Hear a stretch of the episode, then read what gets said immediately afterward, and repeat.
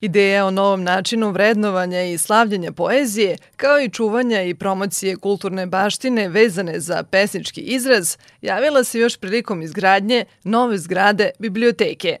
Muzej poezije uvršten je u projekat Čačanska rodna, predstavnice kulture Srbije, kao jedan od ključnih programa najstarije ustanove kulture u gradu na Zapadnoj Moravi.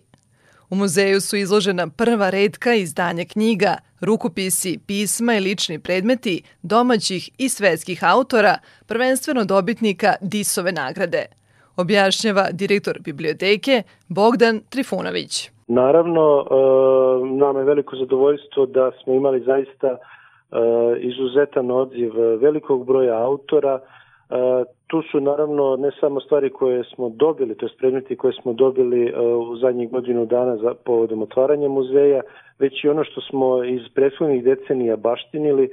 Na prvom mestu su tu e, dela naših zavičenih autora Vladislava Petkovića Disa. Imali smo sreću da prethodnih godina uspemo da pribavimo i jednu, da kažem, autograf Disove pesme Lepota koji je sačuvan u spomenaru Mare Pandurović. E, takođe je tu i e, porodična ikona porodice Petković koju smo dobili zahvaljujući stice okolnosti e, iz Loznice. E, takođe da ne zaboravimo Branka Voradičevića, Danicu Marković, sva ona velika imena e, našeg zavičajnog pesništva, Branu Petrovića, Aleksandra Ristovića i druge. Pored toga tu su recimo e, predmeti, odnosno deo zastaštine velikih imena uh, iz starijeg perioda Svetislava Stefanovića, Jovana Dučića, uh, Ranka Simovića, evo iz novog perioda Novice Tadića, uh, da ne zaboravimo naravno Rakića, Rastka Petrovića i tako dalje i tako dalje. Zaista to je jedna plejada, ja bih rekao, velikih imena srpske poezije, ali nije samo da kažemo nacionalna poezija u pitanju, tu će svi oni koji dođu moći da vide i rukopis Petera Handkija koji je preveo 2013. godine u Čačku Disovu pesmu možda spava na nemački jezik i biblioteka u Čačku čuva taj originalni prevod Disovih stihova od strane Petera Handkija e, i mi se nadamo da je to samo jedan početak praktično onoga što želimo da uradimo. Srpsko pesništvo 20. veka u fondovima Čačanske biblioteke naziv je prve postavke Muzeja poezije koju je priredila čačanska pesnikinja i bibliotekarka savjetnica Olivera Nedeljković.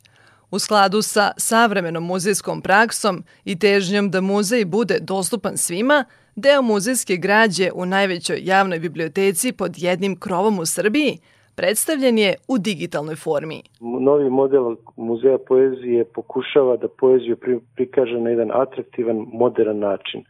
U sklopu toga smo mi e, uradili i namensku aplikaciju muzejpoezije.rs, već e, je radna verzija te aplikacije dostupna svima i putem interneta, jer je muzej e, zamišljen kao jedan interaktivan prostor multimedijalnog tipa gde ćemo pored ovih m, fizičkih predmeta e, koje sam naveo imati i značajan deo u digitalnom svetu, u virtualnom okruženju interneta, kako bi svi oni koji nisu u mogućnosti da posete fizički prostor muzeja poezije mogli da steknu makar delimično uvid u ono što mi pokušavamo da uradimo kroz muzej poezije, kao i da se e, upoznaju sa biografijama značajnih pesnika, da pročitaju izabrane njihove pesme, da saznaju bibliografske podatke, a možda i da vide deo eksponata koje mi smo digitalizovali i u digitalnom obliku prikazali preko namenske aplikacije Muzeja poezije. Otvaranje Muzeja poezije pratila je i retrospektivna izložba 60 disovih proleća